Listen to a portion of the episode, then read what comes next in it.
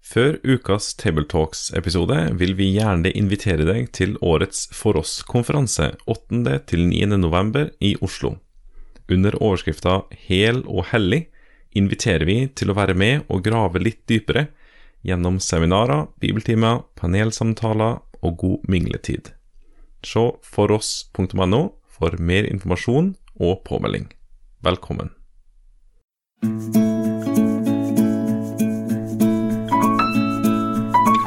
Velkommen til denne episoden av podkasten Tabletalks Søndagsteksten, som blir presentert av den kristne ressurssida foross.no.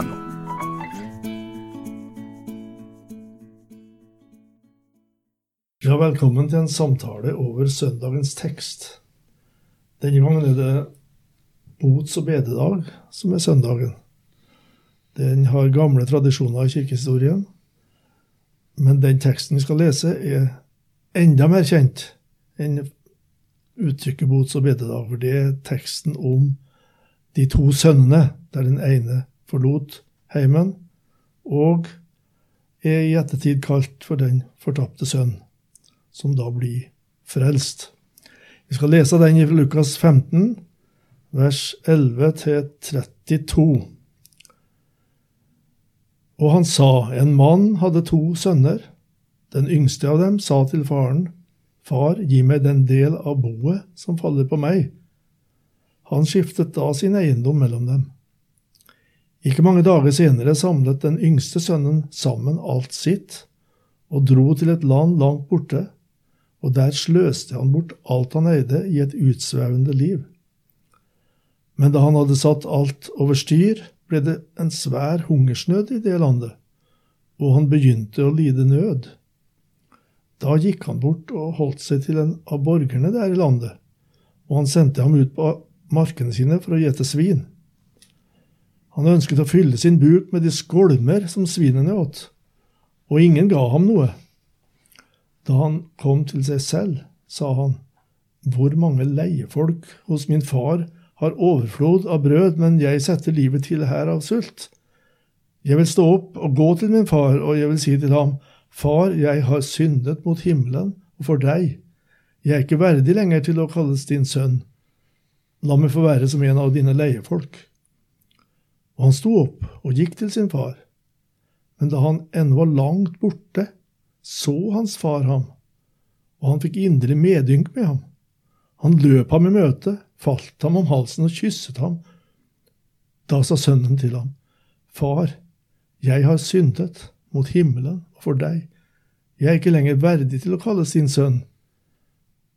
Men faren sa til sin tjener, Skynd dere, ta fram den beste kledningen og ha det, den på ham. Gi ham en ring på hånden hans og sko på føttene. Hent gjøkalven og slakt den, og la oss ete og være glade. For denne min sønn var død og er blitt levende. Han var tapt og er blitt funnet. Og de begynte å være glade. Men den eldste sønnen hans var ute på marken. Da han gikk hjemover og nærmet seg huset, hørte han spill og dans. Han kalte til seg en av tjenerne og spurte hva dette kunne være.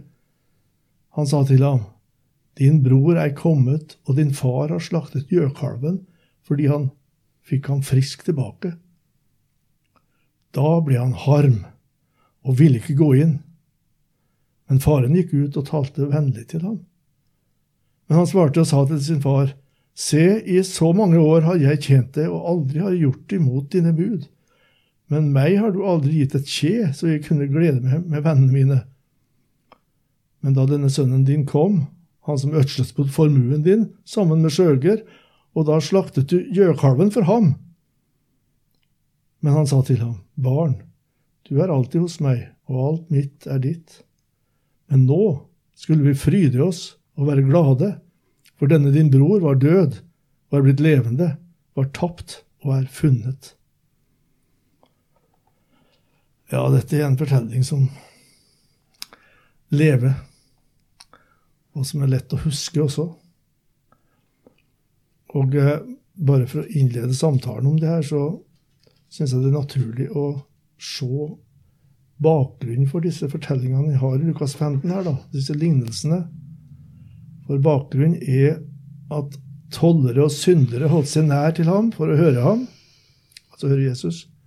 Og både fariseere og skriftlærde knurret og sa denne mannen tar imot syndere og eter sammen med dem.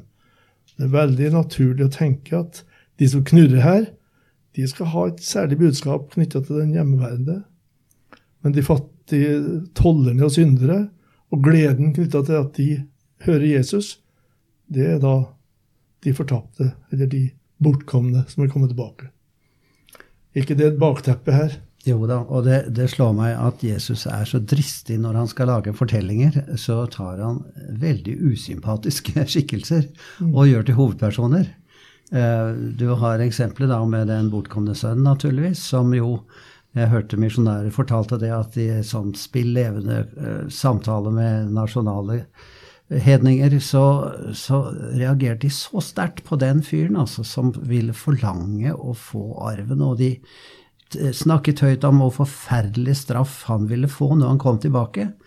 Og, så, og med rette, men så blir han jo overveldet av fars kjærlighet. Og så kan du tenke på lignelsen like etterpå om den eh, forvalteren som jo drev og jukset og bedro. og Han var jo verdens mest usympatiske mann, på en måte, men Jesus roser han fordi han tenkte på det evige riket. Eh, og syntes at det materielle skulle bare brukes eh, til Guds rikes skyld. Men det er jo en annen historie. Men altså, Jesus overrasker så mye med dette. Og det er jo ikke rart at mange også har tenkt på den hjemmeværende sønnen her som eksempel på sånn skal man leve fint i sin dåpspakt og være trofast mot sitt kall. Men Jesus fremstiller jo han på en måte så vi må vel lure ble den storebroren egentlig frelst? Hva slags hjertelag hadde han? Ble han utafor til slutt? Ja, nettopp. Det henger i lufta uten å få svar. Svein, når du skal preke altså, her Ja, Hva skal du spørre om? Jeg vil spørre hvordan du vil gripe det an når du skal preke. Nei, si det. Jeg har jo talt mye over den teksten, jeg, som andre også. Jeg husker jo fra prekenlæren, som det het i gamle dager. Noen av oss ble undervist til og med om prekenlære. Og da var det et begrep som ble brukt om den, den altfor kjente tekst. Det var et begrep som noen homiletikere, som det heter på fint, brukte. Altså faren med tekster som folk kjenner så godt at de, måtte, de bare glir raskt igjennom. Sakkeus og sånn er jo eksempel på det. ikke sant? Alle har hørt den fra de var små. Ikke alle lenger nå, men mange allikevel. Så denne teksten har jo også en fare ved det at hvis den bare gjenfortelles, så kan den kanskje gli litt, litt for raskt igjennom. Så jeg tenker det, det, gjelder å kanskje finne noen innfallsvinkler hvor vi kan undres og overraskes litt. Mm. Sånn at eh, det som vi syns vi kan godt, er ting vi ja, undres over. Det har slått meg noen ganger, det står jo om folk som hørte Jesus. Evangeliet skriver at de undret seg over det Jesus sa. Og det tenker jeg, det er kanskje ikke så dumt. Det, det bør vi gjøre. Undre oss. For det som er selvsagt, det glir litt for raskt gjennom. Det vi undrer oss over, det, det bærer vi med oss og kanskje må slåss litt med for å få det på plass. Det tror jeg ikke Jesus har noe imot, rett forstått. Men uh, Jesu lignelser, bare for å ta det også som svar på det du spør om, Egil Mange av Jesu lignelser er jo ikke avsluttet. Uh, Jesus runder av slik at vi må gå inn i dem og avslutte dem. Og jeg tenker at denne lignelsen her er kanskje en sånn lignelse, mm. hvor eh, de fleste av oss som hører, må gå inn i den hjemmesværende sønns rolle og spørre hvor, hvor er jeg hen? Når jeg skal avslutte denne lignelsen, står jeg utenfor, som han faktisk gjorde? Og Betyr det at han reelt er utenfor, eller er det bare en situasjon hvor han må ta et avgjørende valg? Det kan hende at det ligger et poeng der som jeg vil avslutte en preken med. Og kanskje det også er eh, et viktig poeng å ikke gi eh, sånne tekster en overskrift som blir feil, eller bare delvis riktig. For skulle jeg sette en overskrift over dette, så kan man jo si 'Den utrolig barmhjertige og tålmodige Faderen'. Det syns jeg er vekten i dette her. Og disse sønnene blekner jo mot denne fantastiske far, som både er så overstrømmende rik og god, mot den eh, som vi kaller fortapte, og tålmodig med han som har fariseersinne, og som ikke kan glede seg over yngstebror som er blitt frelst, for å si det sånn. Da jeg var liten, husker jeg gamle folk tala om å være egenrettferdig. Det var jo helst vekkelsesfolk som har hatt en klar omvendelse og vendt seg bort fra den holdningen at vi, vi er gode nok i oss sjøl. Vi, vi, trenger ikke frelse, osv. Det har vi i virkeligheten veldig mange tekster om da, i, i Det nye testamentet, med samme profil, så å si, som denne her. F.eks. lignelsen om fariseeren og tolleren i tempelet. Det er jo veldig beslekta med dette her. Og, og, den lignelsen om fariseeren som hadde besøk av Jesus, og den syndefulle kvinna som kom inn. Det er akkurat samme motivet. Og når Matteus, tolleren, var blitt eh, etterfølger, så står det at Jesus eh, tok inn i heimen hans eh, og spiste sammen med tollere og syndere. Og utafor Jeg ser det for meg, da. Stugelåna hjemme, da, vet du hvordan de for omkring og kikka gjennom ruta og fant ut hvem er det som sitter der sammen med Jesus. Så litt av den samme innstillingen som vi finner gang på gang, og som måtte være veldig provoserende for skriftledere og fariseere, som ikke tenkte at det gikk an for en så utenfor-type å virkelig komme tilbake og oppleve en sånn glede. Ja. Nei, det er mye å ta tak i her. Det, vi har jo litt fra vår egen vekkelseshistorie også. Det kom tider da noen solide haugianere syntes at de rosenianske forkynnerne gjorde det litt for enkelt og sa det får komme som det er. Man skulle kanskje kjempe litt underveis først og være gjennom både anger og ruelse før man skulle komme igjennom. Så det har vært litt, eh, litt sånn. Eh, jeg preker om det her, så har jeg ett vers på hver, hver av brødrene som jeg legger litt vekt på. det, For å ta det første da, i denne sammenhengen er eh, vers 20, hvor det står om far. Da han ennå var langt borte, fikk hans, fikk hans far se ham. Jeg kjenner en kar som fortalte meg at det verset var det som reddet han i en veldig mørk periode av livet, hvor han syntes han var så langt borte. Så fikk han se det ordet der, og det gjorde at han fikk håp om at også han kunne bli bevart som en kristen når alt var mørkt. Og jeg tenker Det skal vi preke til folk. Mm. Og Det er ikke noe billig kristendom med en far som er rausere og romsligere enn folk flest. Det er en far som ser oss når vi er langt borte og lengter tilbake. Og, og, Den nåden skal vi løfte fram på folk. For vi har nok tilhørere som ikke nødvendigvis ytre sett er så illestett som denne karen er, men som opplever at distansen til Gud har blitt stor. Og det kan ha mange grunner. Fortell om en far som ser dem. Det, det har jeg lyst til. Flott poeng. altså Jeg har ikke tenkt på det at det er en preken i seg selv. For det står jo, det er ikke det at sønnen fikk øye på han først, men det var far som fikk øye på han først. Som er så viktig. Også da det sterke at han fikk inderlig medfølelse. Det er jo et ord som man nesten ikke klarer å oversette godt nok på norsk. For det er jo som om innvollene velter seg rundt i han. altså Det er en smertefull medfølelse hos far som er overjordisk, som vanlige mennesker ikke kan ha. Og, og, og, så kobler de tingene sammen. At han ser deg, han har medynk med deg. Det er jo en flott preken i seg selv. Jeg tenker at uh, Jesu lignelser uh, ofte ikke blir fullt ut forstått hvis en ikke tenker over at det er Jesus som forteller dem. Og Denne lignelsen her tror jeg det er et veldig viktig poeng. altså At det, det er Jesus faktisk som forteller den lignelsen her. Uh, han var på vei til korset. Og i Johannes 3, 16 er vi vant, og det kan folk utenat, så elsket Gud verden. Altså den kjærligheten denne fortapte sønnen møter her, det er den kjærligheten som er omtalt der Gud elsket verden, sånn at han ga sin sønn, den en, enbårne, for at hver den som tror på ham, ikke skal gå fortapt, men evig liv. Så å, å, ta med seg den lignelsen inn i det perspektivet, at det er faktisk han som seinere hang på et kors for verdens synder. Det er han som forteller dette her. Og det er det som gjør at eh, det blir så fantastisk å se Guds kjærlighet i møte med, med den som kommer hjem. da.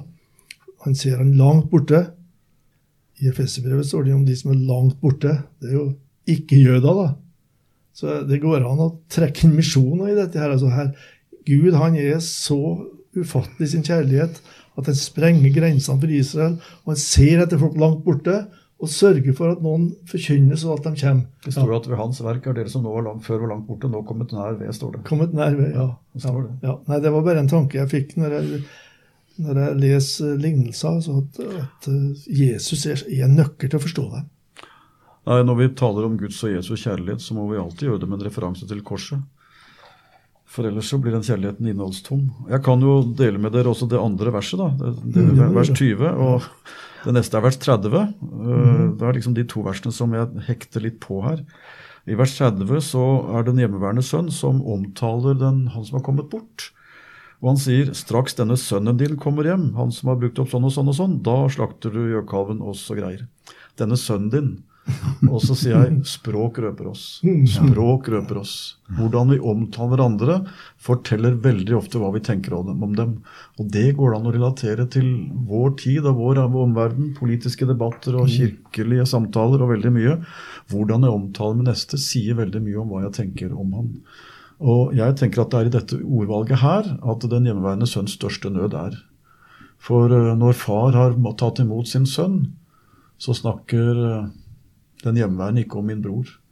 Og det er den store glippen. Og det hjelper ikke å ha overtidstimer og full innsats hvis han har mistet blikket for sin bror.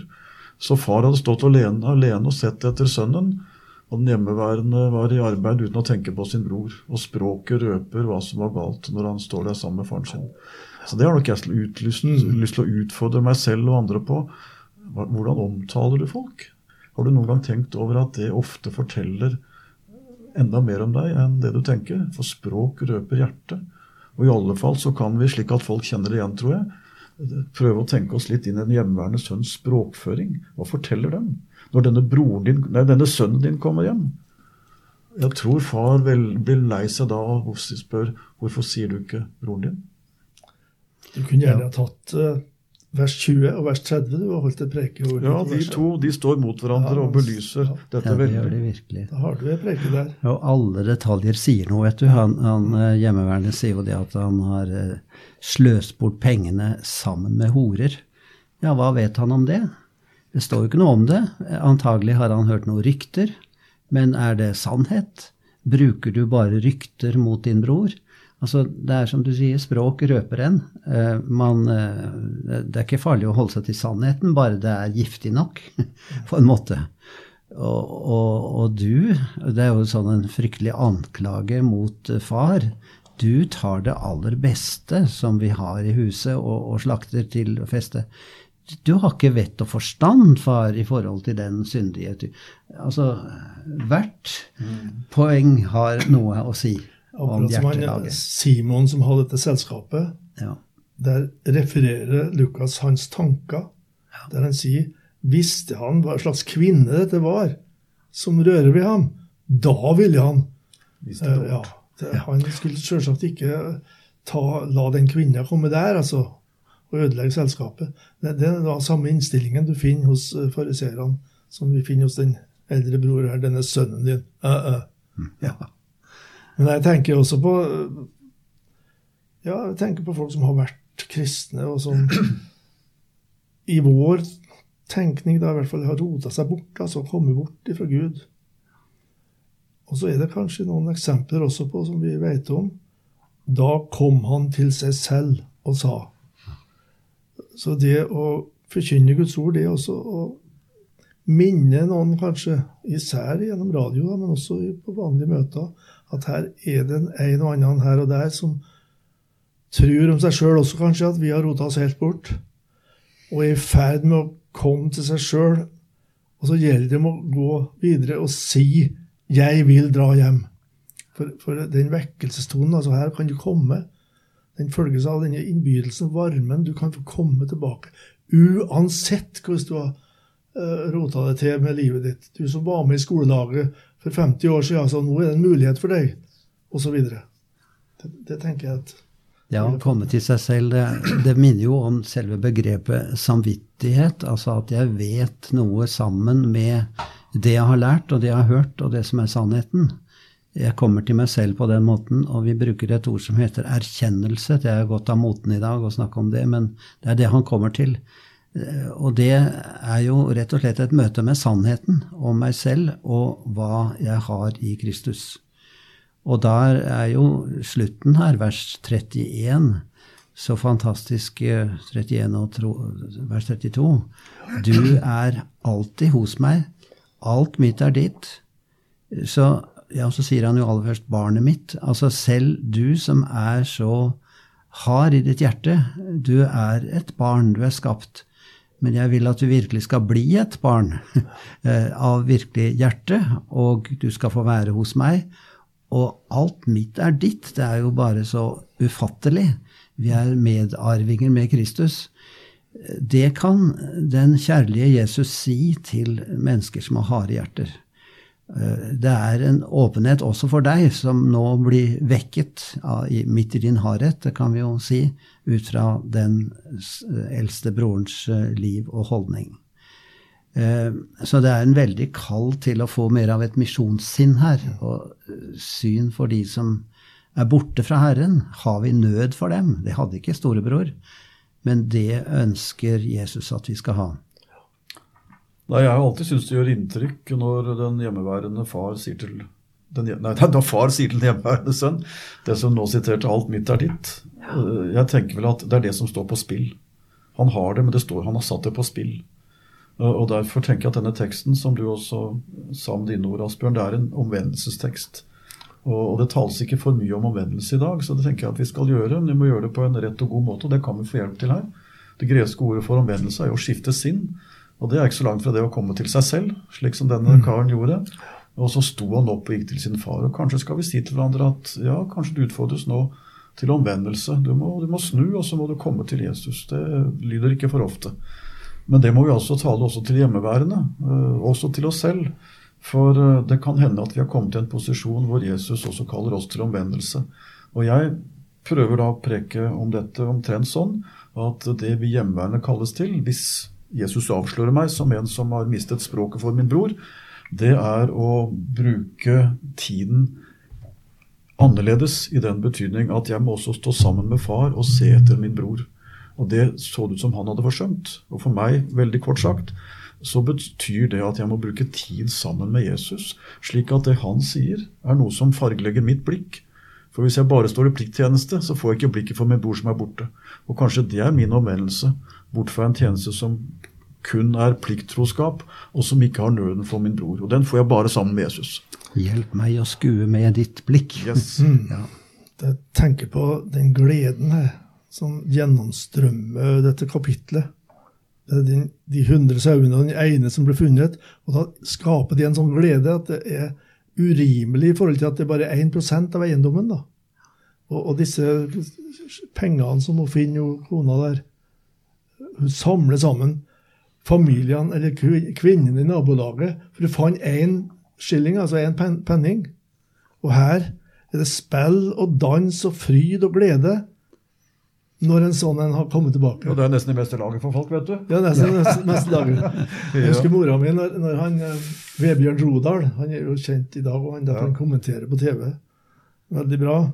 Når han vant det der 800 meter OL, 800 meter OL ja. I 1994, det. Tror det. Da så var, hadde de fått TV, da, mor og far. Og hun ble helt med. vet du, Revet med. Hun var jo trønder òg. Og hun var sørtrønder, hun som han. Den, kalte den gangen. Og så var det liksom Hun kom til seg sjøl litt etterpå og, og kommenterte det der ja, ja. Så så jeg på Berkåk. Det sto jubel, ordføreren av ordet, og det var voldsomt til glede.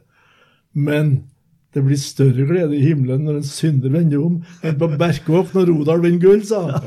Da var hun Og det kan ikke du glemme. Nei, det glemmer jeg aldri. Ja, den, den, kan brukes, den. Ja, jeg har brukt den før her.